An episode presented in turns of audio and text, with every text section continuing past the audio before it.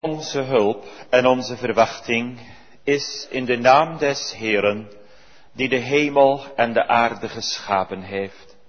In de naam van die God, die trouw houdt tot in der eeuwigheid en die nooit laat varen het werk van zijn handen. Genade, vrede en barmhartigheid zij u van God de Vader en van Jezus Christus de Heere door de gemeenschap van de Heilige Geest. Amen. Wij gaan zingen gemeente, de dankzegging na het eten. O Heer, wij danken u van harte voor nooddruft en voor overvloed. De dankzegging na het eten.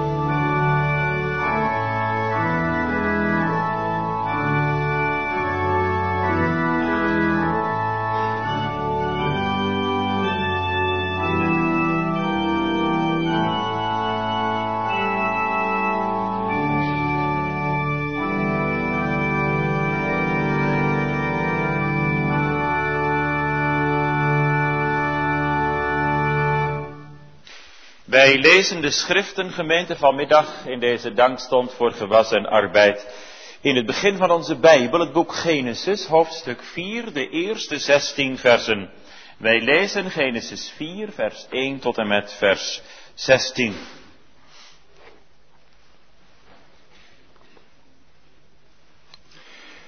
En Adam bekende Heva zijn huisvrouw en zij werd zwanger en baarde Kain en zeide ik heb een man van de Heere verkregen.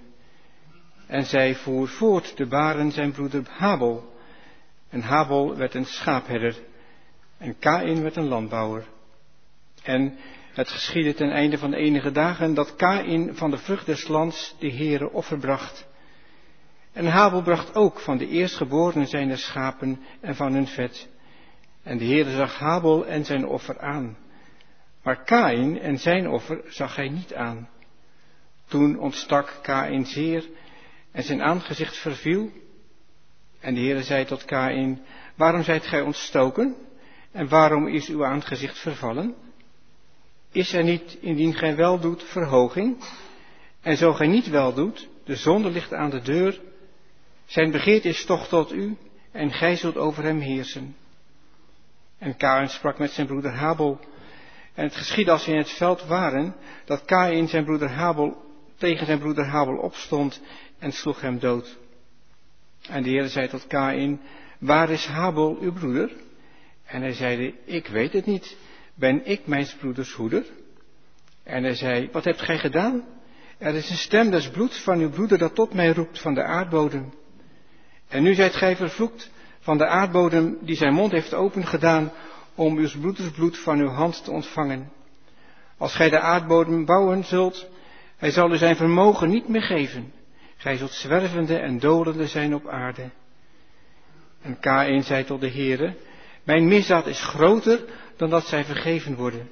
Zie, gij hebt mij heden verdreven van de aardbodem, en ik zal voor uw aangezicht verborgen zijn, en ik zal zwervende en dolende zijn op de aarde. En het zal geschieden dat al wie mij vindt mij zal doodslaan. Doch de Heere zei tot hem, daarom, al wie Kain doodslaat, zal zevenvoudig gebroken worden. En de Heere stelde een teken aan Kain, opdat hij niet versloeg al wie hem vond. En Kain ging uit van het aangezicht des Heeren, en hij woonde in het land Not, ten oosten van Eden.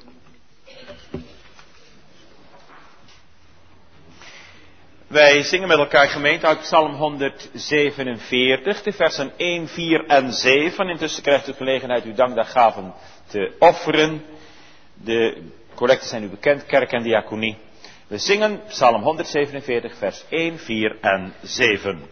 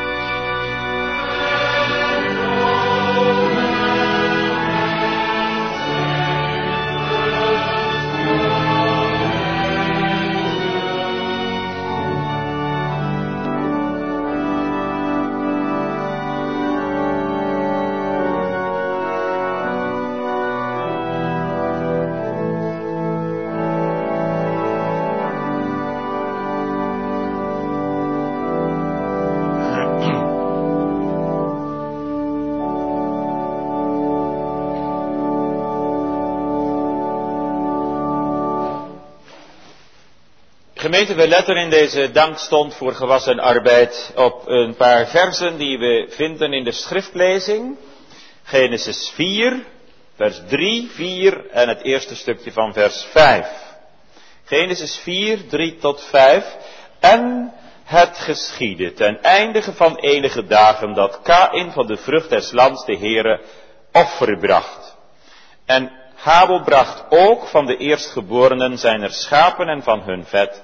En de Heere zag Habel en zijn offer aan, maar Kain en zijn offer zag hij niet aan. Tot zover. Kain en Abel brengen een dankoffer aan de Heere. Dat is het thema van de prediking. We letten eerst op de betekenis van hun opvoeding. Het verband waarin deze tekst staat. In de tweede plaats de betekenis van hun offer. In de derde plaats de uitwerking van hun offer. Dus Kain en Abel brengen aan de Heer een dankoffer. De betekenis van hun opvoeding, de betekenis van hun offer en de uitwerking van hun offer.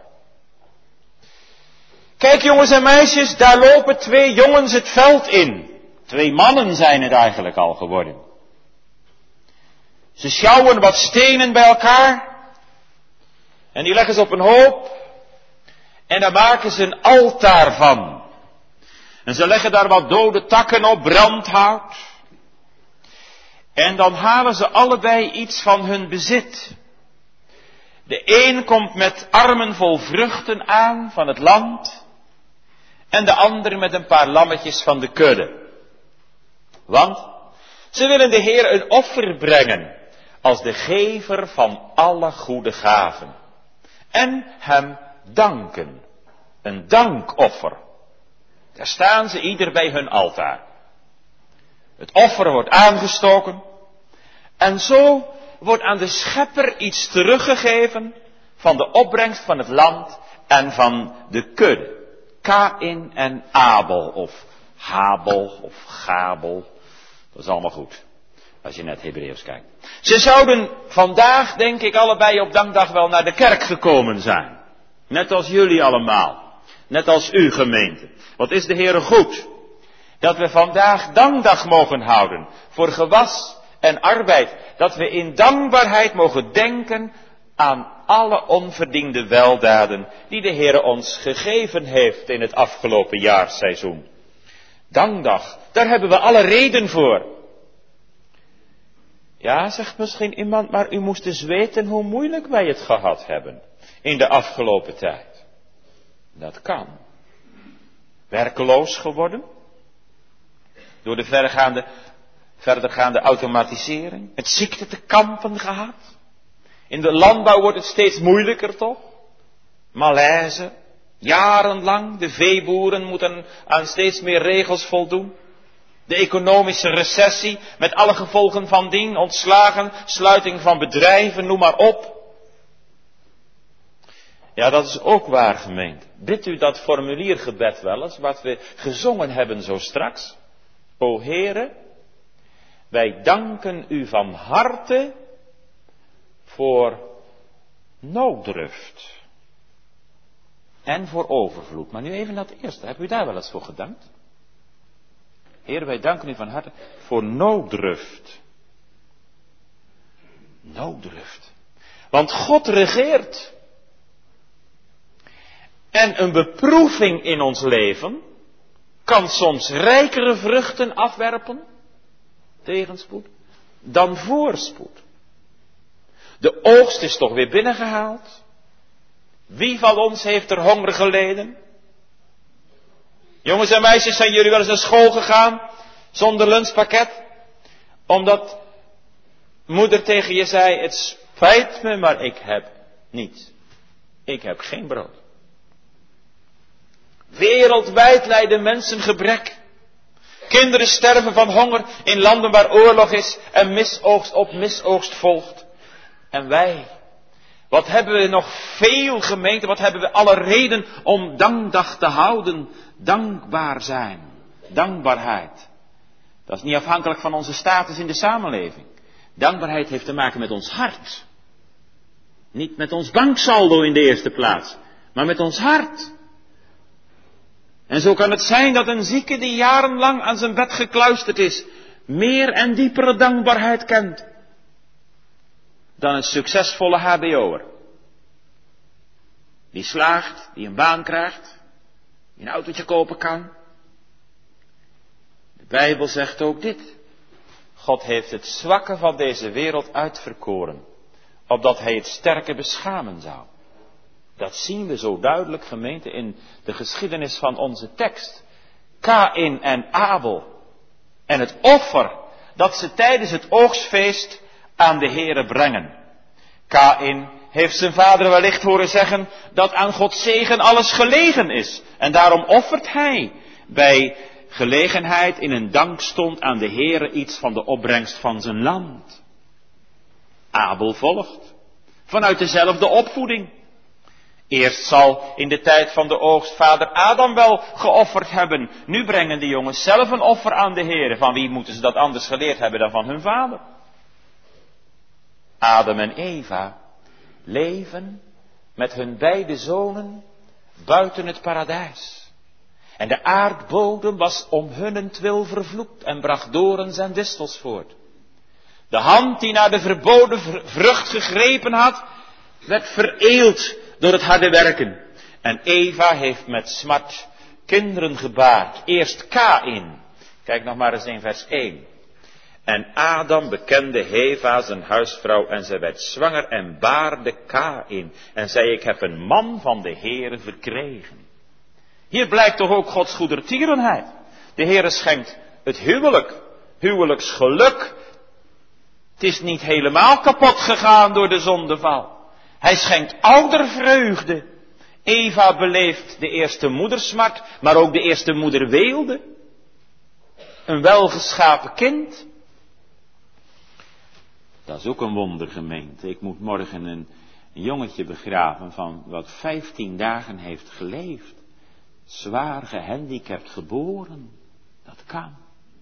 Hebt u een welgeschapen kind gekregen in het afgelopen seizoen? Oh, dan mag je toch God wel op je knietjes danken, of niet? Wat is de Heer nog goed? Toch, nog nooit was een mens geboren zoals jullie en ik. Buiten het paradijs. Kain droeg het beeld van zijn vader. Hij was, om zo te zeggen, een Adamskind. Adam en Eva kregen kinderen naar hun beeld en hun gelijkenis. Een schat van een baby. Zeker. Maar Gods beeld is er niet meer in. Dat is aangrijpend, gemeente.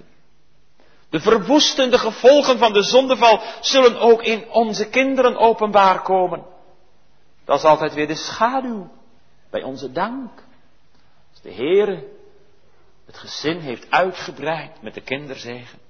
Het moederschap van Eva is een natuurlijke vreugde en ook een blijdschap in God. Het vrouwenzaad zal immers het slangenzaad verpletteren, had de Heere beloofd in de moederbelofte. Ze drukt haar eerste zoon aan haar hart. En de kleine ontvangt de moedermelk. In dankbaarheid noemt ze haar zoon Kain. Dat betekent verworvene of uh, man van formaat. De eerste zoon, de stamhouder van het mensengeslacht. Vaders trots. In zijn naam spreken Adam en Eva hun geloof uit dat God zijn beloften vervullen zal. Zij loven in de gave van dit kind Gods genade. Kain. Ze ontvangen hem als een geschenk van de Heer. Dat mogen wij ook, gemeente. God danken voor ons huwelijk, huwelijksgemeenschap. En zeker als de Heer dat zegent met de geboorte van een kind er kleintjes geboren zijn in de afgelopen periode, ouderweelde. Dat valt ook onder de gaven waar we de Heer voor erkennen mogen. Op dankdag, kinderen zijn een erfdeel van de Heer en de vrucht van de moederschoot is een beloning. Laten we de Heer er hartelijk voor danken. Een flink blozend kind gekregen hebt, gelukkig, alles goed zeggen we dan. Echte dankzegging waard, Zelfs een gebroken hart waard onder Gods goedheid. En tegelijk maar bidden om wijsheid en kracht voor de opvoeding van de kinderen. Want hoe ouder ze worden, hoe zwaarder en moeilijker dat wordt en hoe meer wijsheid dat vraagt? Opnieuw wordt in het gezin van Adam en Eva een zoon geboren. En als dit kind bij Eva in de armen wordt gelegd, dan jubelt ze niet. Er trilt verslagenheid in haar stem, want ze noemt hem Abel, of Habel, Gabel. Dat betekent ijdelheid, broosheid, nietigheid. Zag hij er misschien niet zo gezond uit? Was hij misschien zwak? Of waren Adam en Eva zo teleurgesteld in Kain? Dat ze hun verdriet vertolken in de naam van hun tweede zoon? We weten het niet. Vers 2 informeert ons verder over hun beroepskeus. Kijk maar. En zij voer voort te baren zijn broeder Gabel. En Gabel werd een schaapherder en Kain werd een landbouwer. Abel schaapherdер, Kain landbouwer. En die beroepskeus, die zal wel staan in verband met hun aanleg, hun talenten, hun gaven, wat ze eh, fijn vinden ook. Zo krijgen we toch onze levenstaak. Jullie, jongelui, jullie kiezen toch ook een beroep wat je graag doet, wat aansluit bij de gaven en de opleiding die je hebt gekregen. Beide taken behoorden oorspronkelijk tot het beroep van Adam. De hof bebouwen en bewaren en over de dieren heersen. En nu nemen zijn zonen ieder een aspect van dat werk voor hun rekening. Dat was hun goddelijk beroep. De een boer, de ander herder. Vandaag zijn er natuurlijk heel wat meer beroepen waarin we werkzaam mogen zijn. Werken op zich is geen gevolg van de zondeval. Wel de moeite die ermee gepaard gaat. Als de Heer zegt in het zweet van uw aanschijn zult u brood eten. Wel de dorens en de distels. En de misoogsten. Maar God heeft ons geschapen om te werken. En dat blijft zelfs tot in het nieuwe Jeruzalem. Want er staat en zijn dienstknechten zullen hem dienen. In het nieuwe Jeruzalem. We zullen met Christus regeren over de nieuwe schepping. Dus werken is een zegen. En werkeloosheid is een diepe beproeving. Laten we meeleven met diegenen onder ons, die juist in die beproeving zijn. Werk is geen noodzakelijk kwaad. Nee, dan werk je in ongeloof en niet in geloof. Maar het gaat erom dat er een lijn ligt van ons werk naar het rijk van Christus. Naar God en zijn eer. Want wat is uiteindelijk het doel van ons werk? Waar hebt u voor gewerkt in het afgelopen seizoen? Nou, zeg eens op. Nou, zegt u misschien voor mijn gezin, als u een gezin hebt.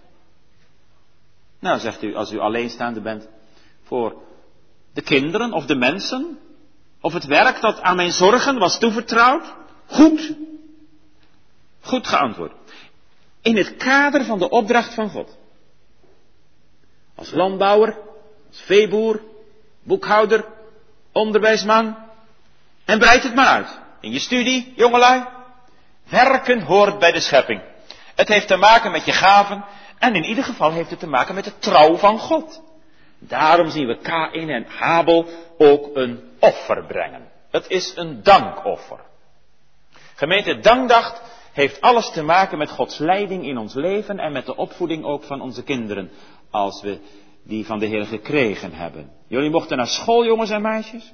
Dankdag heeft alles te maken ook met huwelijk en gezinsvorming. Kinderen die geboren werden, beroepskeus, levensonderhoud. We zijn bevoorrecht boven zoveel mensen in deze wereld waar honger is en oorlog en onderdrukkingen en weduwen die geen eten voor hun kinderen bij elkaar kunnen brengen. Dankdag heeft alles te maken met het brengen van een offer aan de Heer en een hart dat verbroken is onder Gods onverdiende goedheid. Dat was ons eerste aandachtspunt. De betekenis van hun opvoeding. Kain en Abel brengen de Heer een dankoffer, hun opvoeding. En daarom gaan ze ook offeren. En nu de betekenis van hun offer. Vers 3 en 4a. En het geschiedde ten einde van enige dagen dat Kain van de vrucht des lands de Heere offer bracht. En Habel bracht ook van de eerstgeborenen zijn de schapen en van hun vet.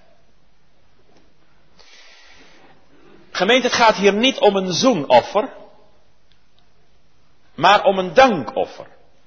Al zullen we straks nog zien dat dat eigenlijk niet buiten elkaar om kan gaan. Dat het in ieder geval niet om kan gaan buiten het zoenoffer van Christus. Maar het gaat hier om een offer van aanbidding en dank. En die offers, die zijn een geschenk van God. En van het vele dat God geschonken had als zegen op het werk. Een teken van toewijding aan de dienst van de Heer. Hieruit blijkt dat er ondanks de zondeval en de verdrijving van de mens uit het paradijs toch een vorm van gemeenschap mocht zijn tussen de mensen en God. Op grond van de moederbelofte, op grond van de beloofde Christus, die het zoenoffer zou brengen. Uit dat offer blijkt dat God de mens genade schonk om hem te zoeken, te kennen, te dienen, bewust te dienen ook en te danken. Dat hebben Kain en Abel vanuit hun opvoeding meegekregen. Mooi is dat. Om zulke dingen mee te krijgen vanuit je opvoeding. Het was de oorspronkelijke bestemming van de mens om helemaal de Heere toe te behoren. En je helemaal te wijden aan zijn zalige dienst, zoals Adam en Eva in het paradijs. Door de zondeval zijn we eigenlijk aan onze bestemming ontrokken. We wilden voor onszelf gaan beginnen. We wilden voor onszelf gaan leven. Maar in zijn grote genade kwam God Adam en Eva opzoeken om hem weer terug te brengen tot hun oorspronkelijke bestemming. Hij wekte opnieuw het verlangen in het hart van de mens om zich te geven aan God. En dan ontstaat het offer. Letterlijk betekent dat woordje offer vanuit de grondtaal gave of geschenk. Geschenk om God te eren. Geschenk om God te erkennen. Hier bij Kain en Abel, zeg maar het, het spijsoffer. Het is weliswaar, het is wel waar dat deze jongens de eerste kinderen zijn die met zonde besmet zijn. Is even wat. Maar ze mogen wel leven in een gezin waar de genade van God wordt gekend. En waar het altaar rookt tot eer van God. Opgevoed tot priesters van de Heer. Jongelui, wees dankbaar dat je in een christelijk gezin opgroeit. Ouders, spreek er met uw kinderen over, over de dienst van God. Over dat aardsgeluk en dat voorspoed en de weelde. En de grote salarissen, dat die de mens uiteindelijk niet gelukkig maken, maar wel het kennen van de Heer en het dienen van de Heer. Leidt ze tot het altaar, waarop ze zichzelf mogen offeren als een levend dankoffer aan de Heer. Want in het offer komt het beginsel naar voren van het ware offer dat God van ons vraagt. Namelijk de zelfovergave aan God. Wat op het altaar ligt, is een beeld van de offeraar zelf. Hij wil zijn hele leven toewijden aan God. Zo werd de gemeenschap met God onderhouden. In het offer geef je jezelf en de gaven die je van de Heere kreeg. Met je hart en met je hand en met je gezindheid en met je daad en met alles. Wat is het groot gemeend? Dat de Heere Adam en Eva, dat hij met hen meegetrokken is toen ze het verloren paradijs, paradijs uit moesten naar deze aarde om daar verder hun leven te leven voor Gods aangezicht. Een aarde die door God vervloekt is vanwege de zonde. Het is hard werken, lichamelijk werk, denkwerk, maar God wil bij ons zijn gemeente. Dat is zijn genade, zijn goedheid. Hij wil door ons gediend en geprezen worden. We mogen ons werk doen onder de trouwe zorg van God, onder de regenboog van zijn goedertierenheid. Beide zonen van Adam brachten een offer. En in dat offer geeft de offeraar zijn leven en zijn hart aan de Heer. In dat offer komt God zelf, komt God tot zijn eer. En daar komen wij op onze plaats te staan. De offeraar stelt zich voor de Heer en hij bukt diep in onwaardigheid voor de majesteit van de Heer. Je beleidt, Heere, ik ben het niet waard om voor u te verschijnen, maar u bent het zo eeuwig waard om gediend te worden en daarom ben ik hier. Via het offer openbaarde de Heer zich ook aan de offeraar. Dus via de, het offer liep de lijn van het contact met God, de gemeenschap met God. Dat blijkt wel uit de uitwerking die het offer van Kain en Habel heeft. Het offer was dus ook een middel waardoor de Heere zijn genade en gunst aan de mens liet blijken. Het is de weg om de gemeenschap met God te onderhouden.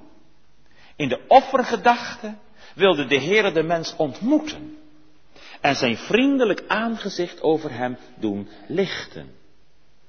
Het doel was niet, ik geef iets met de bedoeling om daar nog veel meer voor terug te krijgen. Zo'n beetje de gunst van God kopen.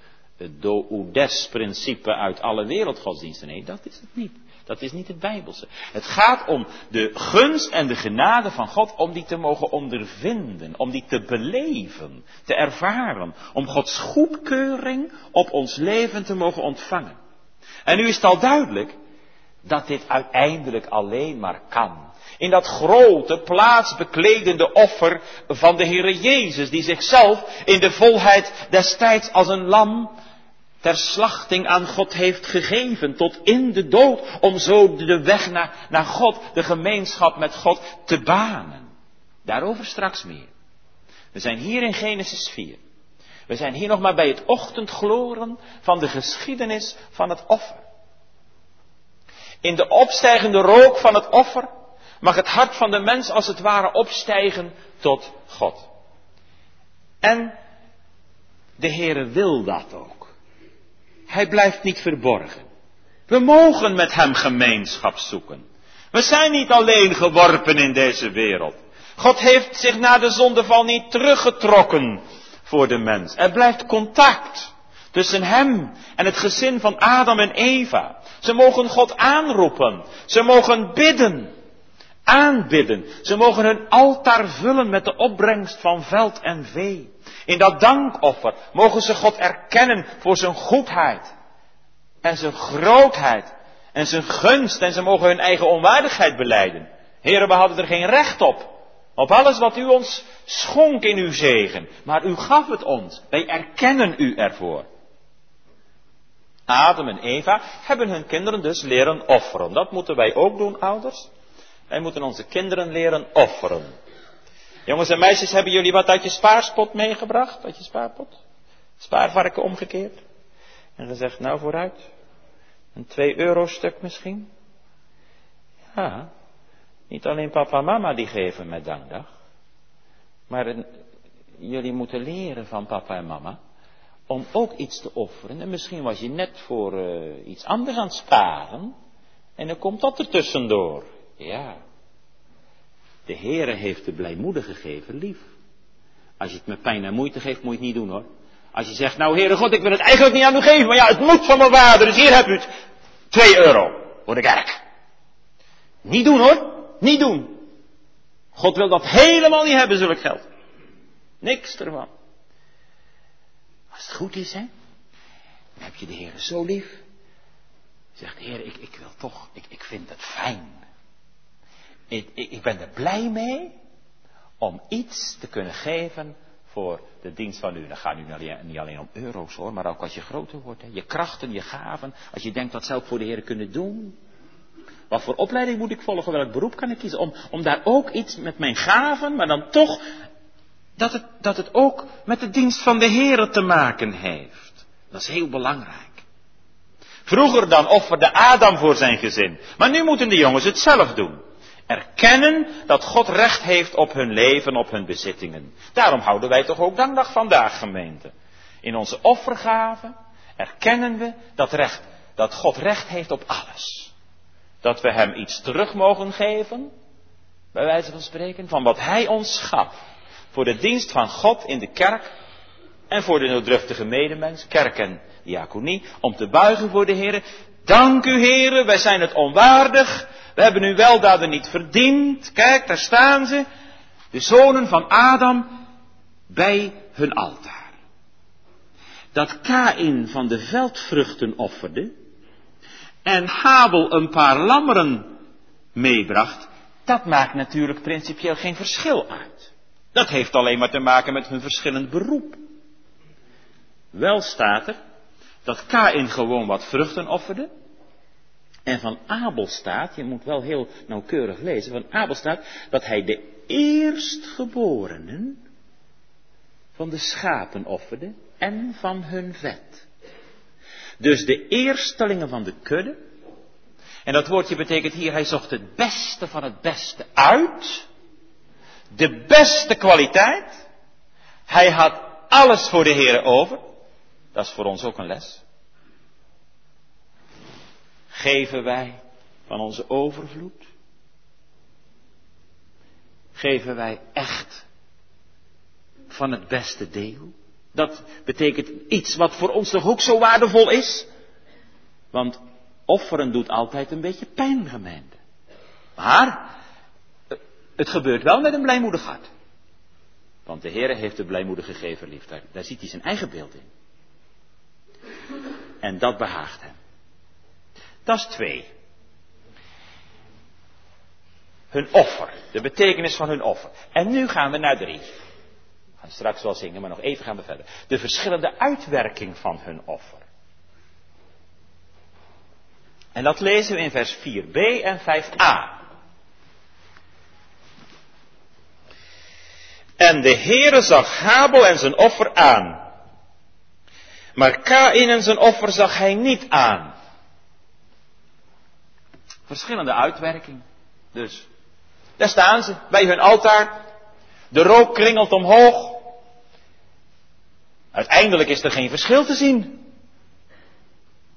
Beide broers doen precies hetzelfde. En de Heer ziet Abels offer aan en dat van Kain niet. Hoe kan dat? Zit daar iets achter? Ja, natuurlijk zit er wat achter. Is er dan toch verschil in kwaliteit? Abel staat in de gunst bij God. Blijkbaar. En Kain, de stamhouder, notabene, zijn offer wordt verworpen. En waar valt de scheiding? Bij het altaar. Bij de plaats waar de gemeenschap met God mag worden beoefend. Uiterlijk is er geen verschil. Maar innerlijk wel. En zelfs een groot verschil. Abel denkt met zijn hart aan God. Ik ga straks bewijzen uit de Bijbel hoor. Abel denkt met zijn hart aan God en hij is dankbaar. Kain denkt met zijn hoofd aan God. En hij is eigenlijk ondankbaar. Kain is alleen maar blij met een grote oogst. Abel is de God van de oogst dankbaar. En daar is hij blij mee. Abel, de geringe, buigt op dankdag heel diep voor zijn God. En het leeft in zijn hart vol verwondering dat God naar hem omziet. Het leeft in zijn hart, o God, wie ben ik dat u naar mij wilt omzien? Ik ben het onwaardig dat u mij zo gezegend hebt, dat u mijn God wil zijn, dat ik u dienen mag, heren. Abels hart verbreekt voor de heren. Hij is klein voor die grote God. En gemeente, daar kunnen we veel van leren. Want echte dankbaarheid is dat je je klein voelt. Klein en onwaardig en dankbaar. Omdat je mag leven, mag werken, mag studeren, mag genieten van zoveel goede dingen die de Heer geeft. Dankbaar. Zijn er dan geen moeilijke dingen? Die heeft ieder mens. Maar als je daar alleen op ziet, kom je nooit toe aan de dankbaarheid. Zie maar op wat de Heer wel geeft in zijn gunst. En wat Hij onverdiend aan ons geeft iedere dag. Voor die dankbaarheid is een, een verbroken hart nodig, gemeente. Een gelovig hart, een oprecht hart. Een hart dat, dat ziet op Gods grootste gave. Op de Heere Jezus. En dat alleen voor Hem wil leven. Abel zegt bij wijze van spreken, Heere, in mezelf ben ik strafwaardig voor u. Ik moet van genade leven. Ik heb het niet verdiend dat u mijn offer wil aannemen. En dat uw welgevallen rust op de eerstelingen van de kudde die ik u aanbied. Dat wordt je aanzien. Dat betekent namelijk dat God in gunst dat aanvaardt, dat offer. Dat hij in vriendelijkheid en welgevallen zijn oog slaat op de offeraar. De genadige gezindheid van God over het leven van degene die het offer brengt. Kijk, en hier komt het verschil openbaar tussen Kain en Abel. Want het gaat uiteindelijk helemaal niet om hun offer. God heeft niet liever een lammetje dan een korf met veldvruchten. God houdt niet meer van de veeboeren dan van de akkerbouwers. Daar gaat het helemaal niet om. Weet u waar het om gaat? Het gaat om het hart van de offeraar. Het gaat om de gezindheid van de offeraar. God ziet ons hart aan. Hij ziet naar waarheid in ons binnenste. Het offer van die weduwe, die een penning in de schatkist wierp, was voor de Heer veel meer waard dan dat vele geld wat vele rijken daarin geworpen hebben. God kijkt naar ons hart, gemeente. Hoe we geven, hoe we offeren. En er staat niet dat God het offer van, dat God naar het offer van, K, van Abel kijkt, maar er staat dat hij naar de personen kijkt. Er staat de Heere zag Abel en zijn offer aan. Maar Kain en zijn offer zag hij niet aan. Dus hij kijkt eerst naar de mensen die het offer brengen en dan naar het offer. Hij kijkt naar hun hart. En daar is Gods oordeel op gebaseerd. God keek eerst naar Abel en vervolgens naar zijn offer. En toen zei God ja. God keek eerst naar Kain en daarna naar zijn offer. En toen zei hij nee. Over Abel en zijn offer spreekt God zijn goedkeuring uit. En over Kain en zijn offer spreekt God zijn afkeuring uit.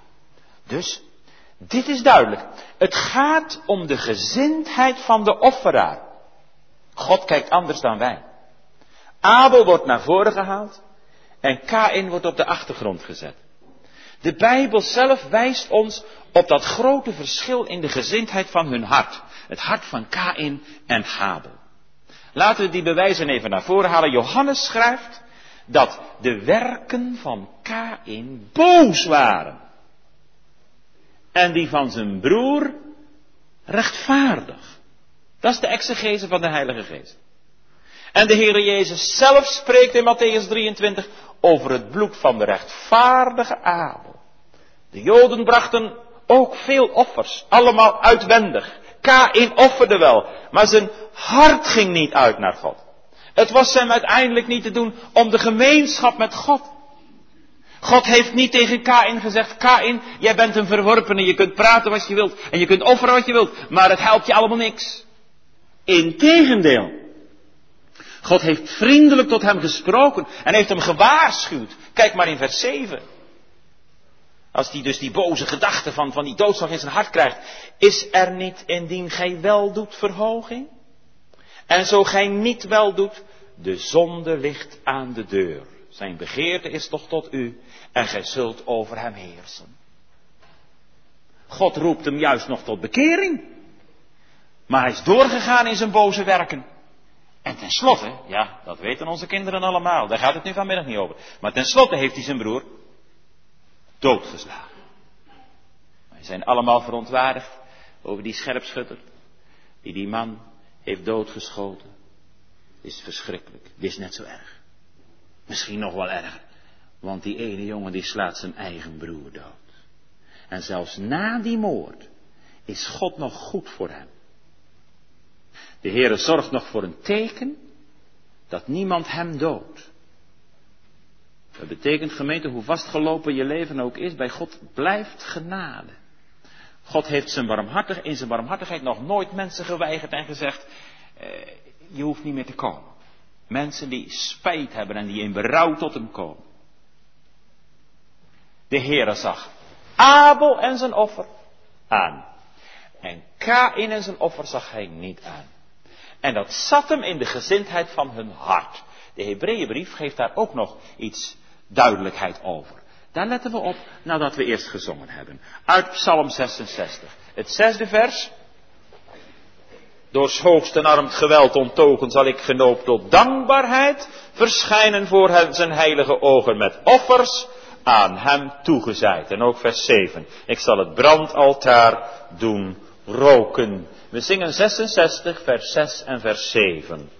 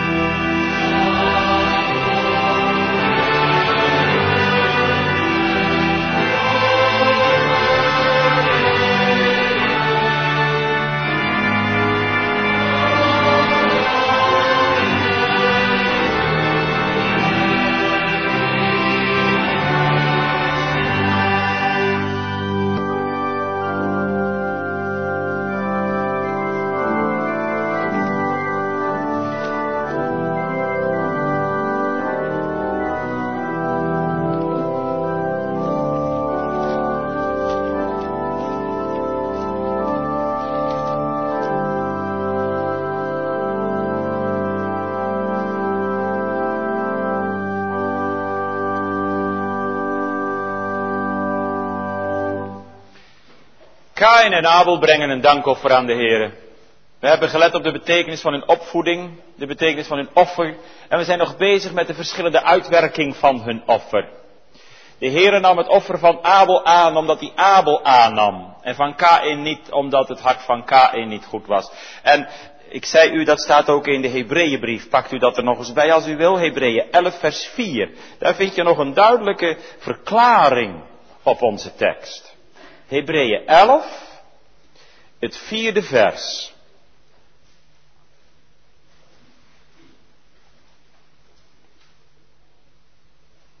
Hebreeën 11 vers 4, daar zegt de apostel, door het geloof heeft Abel een meerdere offer aan de goden geofferd dan Kain.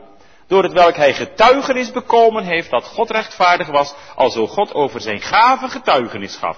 En door hetzelfde geloof spreekt hij nog nadat hij gestorven is.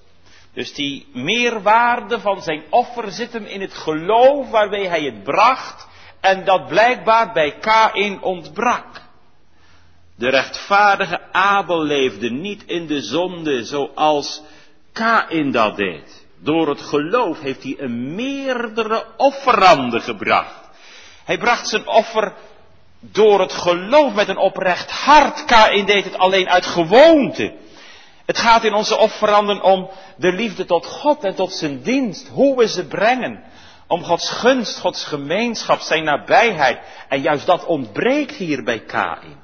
Hij offert gewoon plichtmatig, of misschien wel om van zijn plicht af te zijn. Misschien wel om zijn ouders een plezier te doen. Ik weet dat niet, maar in die sfeer ligt het. Of om de zegen van God over zijn werk af te kopen. Dat zou ook nog kunnen, voor wat hoort wat. Hoe merken Kain en Abel trouwens dat hun offer wel of niet aanvaard wordt door de Heer? Dat staat er niet. Dat weten we niet. Je zijn van die plaatjes in de kinderbijbels, weten wel. Dan zie je bij Abel, dan kringelt die rook recht naar boven. En bij Kain, dan slaat die rook zo neer. Nou, of dat dan ineens een wervelwind geweest is. Dat staat nergens in de Bijbel. Aan de rook kun je het niet zien. Heeft God het ene offer door vuur aangestoken en het andere moest, moest hij dat zelf doen? Zoals bij Elia op de karmel. Staat ook helemaal niets van. Nee, Hebreeën 11 zegt dat Abel door het geloof getuigenis kreeg dat hij rechtvaardig was. En dat God over zijn gaven getuigenis gaf. Hoe de Heer dat deed, dat staat er niet bij. Wel dat het voor hem duidelijk werd. Het zou vaag zijn om dat alleen maar in je gevoelsleven te leggen. Van ik voel het, God heeft het aangenomen. En de ander die voelt het niet. Nou, dat gevoel van ons, dat is ook niet altijd betrouwbaar. Dat gaat ook iedere keer op en neer. Al een paar keer binnen 24 uur. De, de Heilige Geest zal wel een rol gespeeld hebben hierin. Want er staat, God gaf hem getuigenis. Het getuigenis van de geest. Waarom zou dat getuigenis niet gewoon, ik doe maar een voorstel hoor, want ik weet het ook niet. Maar waarom zou dat getuigenis niet gewoon door het spreken van de Heer uh, gegaan kunnen zijn? Net als bij Noach. Net als bij Abraham. In vers 6 wordt toch ook verder daarover gesproken dat het woord van God tot Kain geschiedde. Waarom zou God het niet gewoon gezegd kunnen hebben? Duidelijk is in ieder geval dat het hart en de overgave in het offer van Kain ontbrak. Hij leefde in zonden, dat zegt de Bijbel. En dus leefde hij ten diepste zonder God. En Abel gaf zichzelf wel aan de Heer. Op het altaar lag niet alleen het offerdier, maar daar lag ook bij wijze van spreken het hart van Abel. En de Heer gaf daar zijn goedkeuring over. Zekerheid in zijn hart, vrede door zijn spreken, hoe dan ook. God maakte het hem bekend. De kanttekening zegt dat de Heere Abel aanzag in de Messias Jezus Christus. Gemeente, belangrijk is de vraag voor ons, waar staan wij? Want we hebben het nu over Kain en Abel, maar waar staan wij? Gaan wij in het voetspoor van Kain of gaan wij in het voetspoor van Abel? Want dat zijn inderdaad twee sporen. Hoe vieren wij dankdag? Hoe zijn wij dankbaar? Hoe geven wij ons offer vandaag? Dat weet ieder toch voor zichzelf? Daar geeft ons geweten toch ook getuigenis van? Ten diepste weet toch iedereen waar die staat? O zeker, je kunt bestreden worden. Juist de gelovigen worden veel bestreden. Er kan wel eens onduidelijkheid zijn. Maar wat zegt u als ik u vraag, is het in orde met God? Tussen u en, tussen God en uw ziel? Kunt u God recht in de ogen zien? Kent u dat buigen voor de Heer? Dat gehoorzamen aan Hem? Dat jezelf kwijtraken aan Hem? Die nabijheid van Hem? Of naderen we alleen de Heere met onze lippen, zoals de Bijbel zegt, en met onze uiterlijke gaven en houdt ons hart zich ver van Hem? Kun je God wel missen? En doet dat geen pijn? Gemeente, het is dankdag vandaag. Aan welke kant staan wij bij ons dankaltaar vandaag? Is er slaafse vrees voor God? Of is er hartelijke liefde tot God? Rechtvaardigen we onszelf in onze godsdienstigheid? En weigeren we om zelf schuldenaar voor de Heer te worden? Of kennen we dat toevlucht nemen tot de Heer? Door het geloof, om met Hem verzoend te zijn. En dan is dat één met die, die, die offergave. Dan is dat één met het altaar, de gemeenschap met de Heer. Danken wij God met een verbroken hart? Of alleen maar uit plichtsbesef? Is dat alles? Nou, volgens mij weet u dat nu van uzelf. De offers van Kain en Abel zijn onderscheiden ten diepste door geloof en ongeloof. Nou, waar sta ik en waar staat u? En hoe geven wij? Kunnen we God in de ogen zien? Is het ons om Hem te doen? Ik vraag niet, weet je wel zeker dat je bekeerd bent? Is het u om Hem te doen? Is er liefde in uw hart voor Hem en zijn dienst? Kunt u Hem niet meer missen? Hunkert u naar de ervaring van zijn gemeenschap? O Heere, wil toch in mijn hart zijn? Is hier misschien iemand die offert zoals Kain? Dat kan, zonder geloof, zonder liefde, zonder verzoening in het bloed van de Heer Jezus, zonder de kracht van zijn offer te kennen, omdat het zo hoort, omdat je zo opgevoed bent, uit sleur. Oh, dan zegt de Bijbel, de Heere wil gehoorzaamheid. En geen offer. Welke gehoorzaamheid? Dit is zijn gebod. Dat gij gelooft in de naam van de enige geboren Zoon van God. Dan heeft de Heere liever dat u door de knieën gaat voor Jezus. En uw verloren leven in zijn handen legt. Dan dat we 10.000 euro zouden overmaken aan de kerk. Al is dat ook geweldig. En dan kan de kerk dat goed gebruiken, maar het is duidelijk hè. Het gaat om ons hart. Gemeente, de Heer wil ons hart. Alleen dat offer is hem wel behagelijk. Tot dat offer roept de Heer ons vandaag ook op.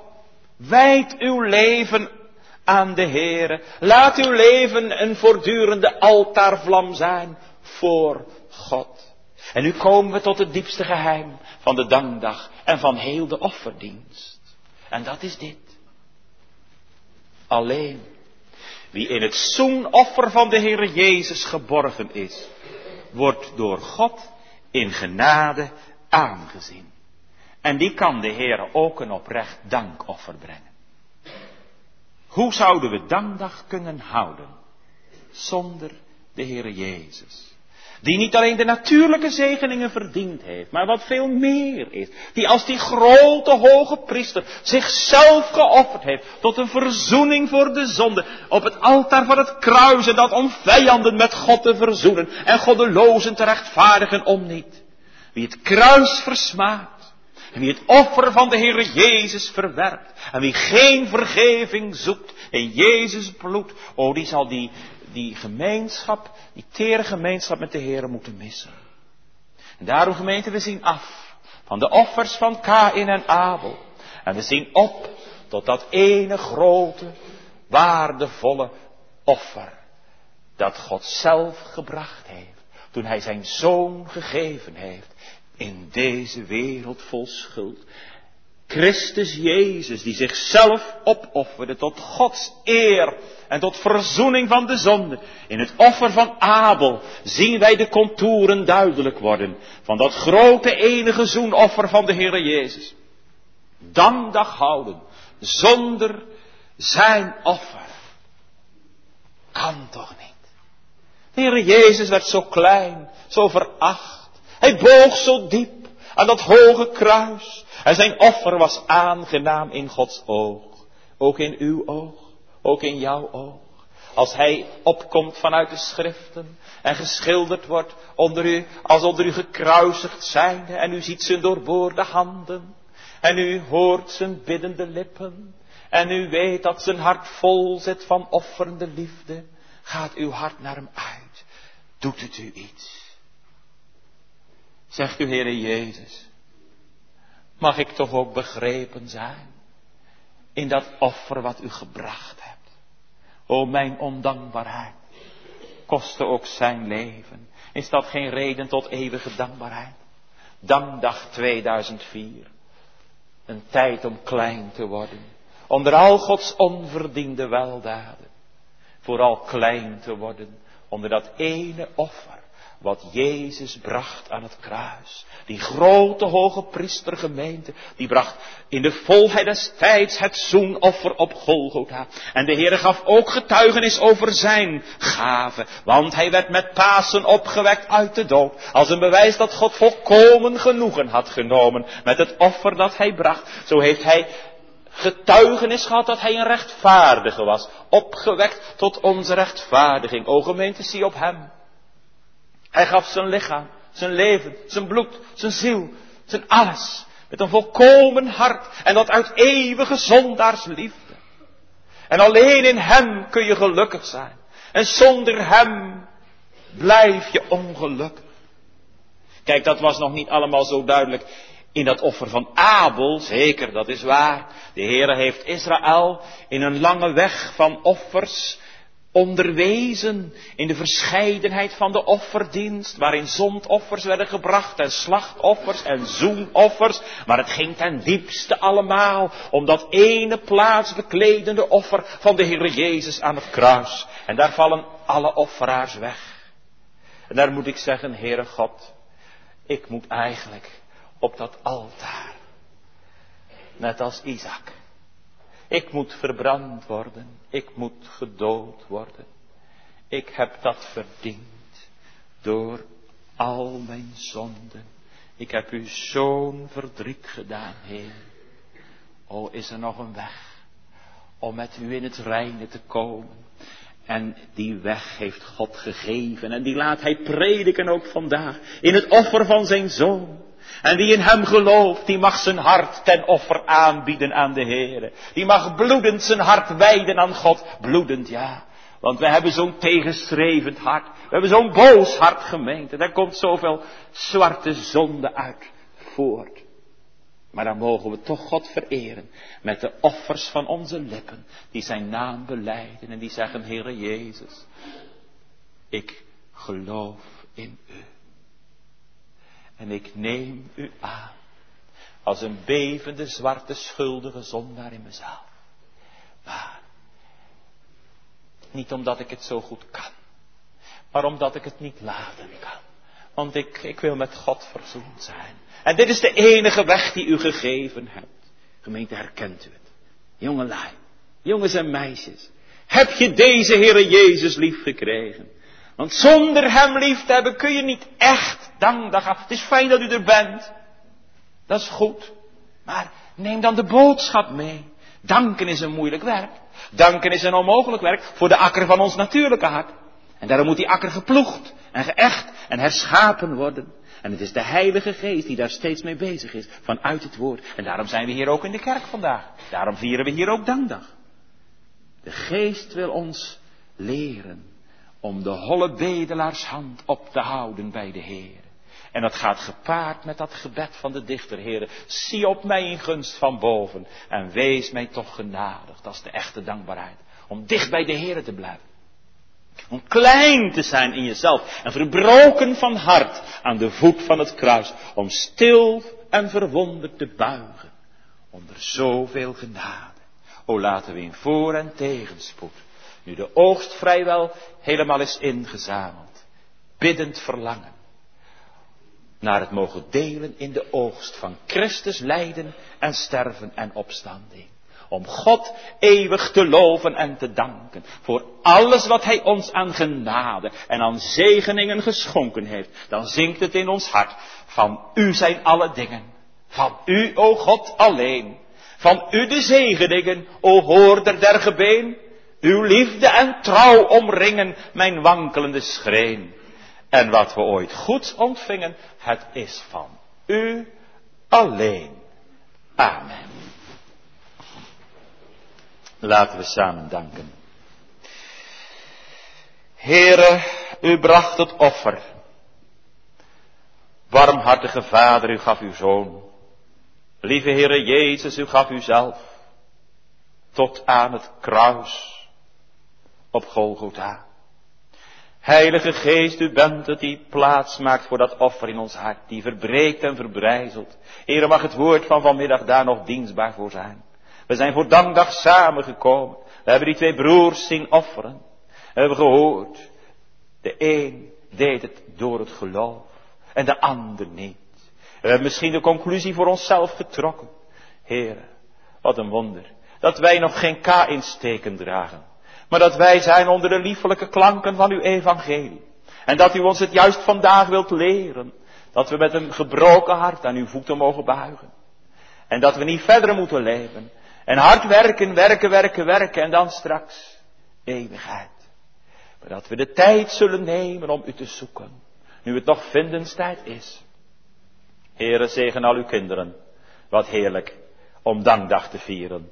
Wat genadig wat groot. Om te mogen weten, ik ben het eigendom van de Heer Jezus. Wat is er dan een blijdschap in ons hart. Ik, Heer, die al mijn blijdschap in u vind. Heere, wat bent u goed. Geprezen zij uw naam. Om Jezus wil. Amen. Wij zingen tot slot uit Psalm 51, het tiende vers. Dan vindt ge in onze offeranden lust, waarmee wij u naar het heilige recht vereren. Dan zal het altaar de varengans verteren, dan wordt het vuur daarop nooit uitgeblust. Het laatste uit Psalm 51.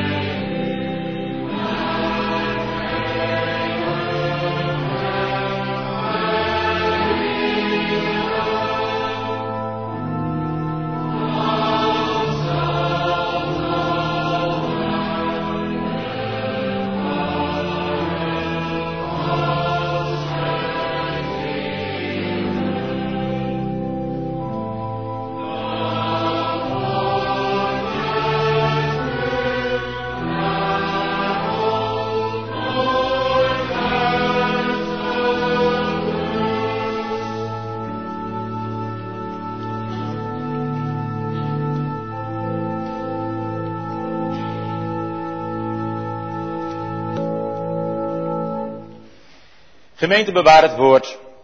Ga heen in vrede. Verhef uw hart tot God en ontvangt de zegen van de Heer.